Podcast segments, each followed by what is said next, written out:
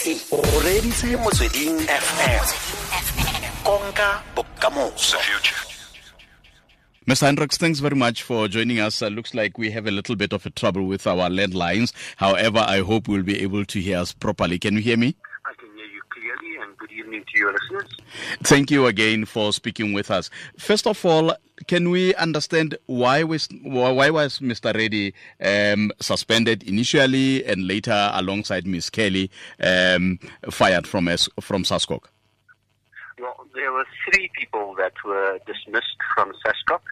It was Mr. Tubby Reddy, Mr. Vijay um, Vinesh Maharaj, and Ms. Jean Kelly. The um, original um, complaint against Mr. Reddy was for um, sexual harassment, and then thereafter, um, through an investigation, various aspects of corruption, collusion, um, and misuse of SASCOC funds came to the fore, and as a result of that, um, one of one of which was um, paying a staff member over a 200 percent increase in his salary. A contracted staff member, not even a staff member, a contracted person, without the board's um, knowledge, and um, through a lengthy investigative process by a totally independent senior member of the Johannesburg Bar, Advocate Anton Myburgh, he recommended to us that the three staff members be dismissed. Do those allegations and charges include uh, the Olympic Games? No. Um, this deals with um, Commonwealth Games where money was spent in Scotland on a project called Ikaya. Money spent improperly to the tune of over one million to a service provider who was who turns out to be Mr. Reddy's personal friend. Um, so it doesn't involve the Olympics. Could we go back uh, to the charges of sexual harassment where Mr. Reddy. May, Y- yeah. may I just may I just correct myself? Yes. Um, one of the charges that the chairperson did bring to our attention and was part of the, the recommendation for dismissal was the use of a person called Don Chen, who did supply clothing to the Olympics. Email to Mr. Reddy, Mr. Chen has written that um, he can change the price according to Mr. Reddy's um, um, um, um, needs. But uh, Mr. Reddy told us that uh, the board approved the procurement of that uh, Chinese company ahead of the Olympics. Incidentally, the very same company uh, was kitting the Olympic Games of Brazil, and it appeared the, their clothing was different from us. Why? Well, it's it, it's not a case of approving the company. It's, it turns out to be the case of the transactions that took place behind the scenes. So this this, this person that the price could be increased or changed based on Mr. Reddy's um, um, needs.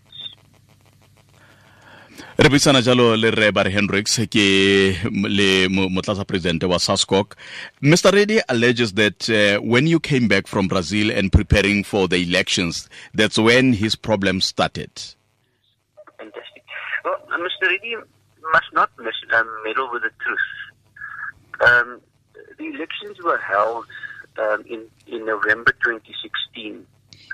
Prior to the elections, a notice was sent to the affiliates of SASCOC that only certain members could be selected for nominations.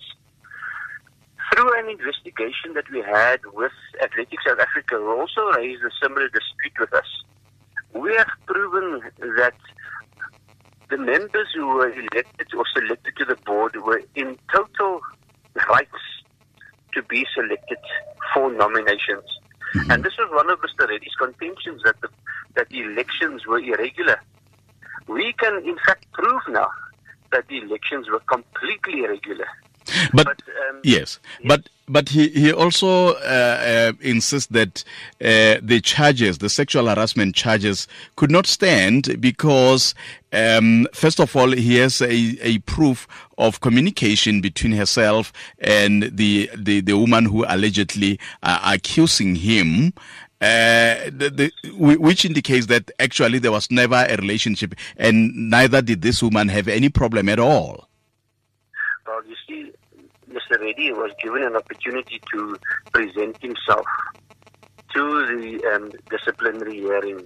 Him, as well as the other two staff members, they sent their legal representative to that disciplinary hearing. And you must remember, sexual harassment, we- take it as a very, very serious offense.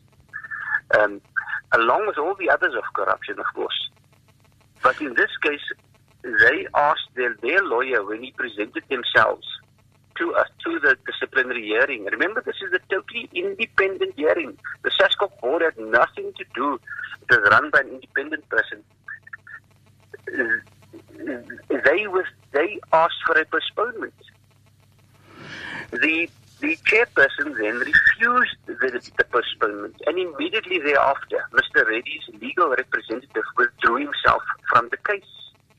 Mr. Hendricks, I really, really wished we had more time to discuss this. Nonetheless, we will make time to come back to you to get to the bottom of this, as the the the, the inquiry also that has been set up by the minister is also uh, getting underway next month. But are you? Just say this. Yes.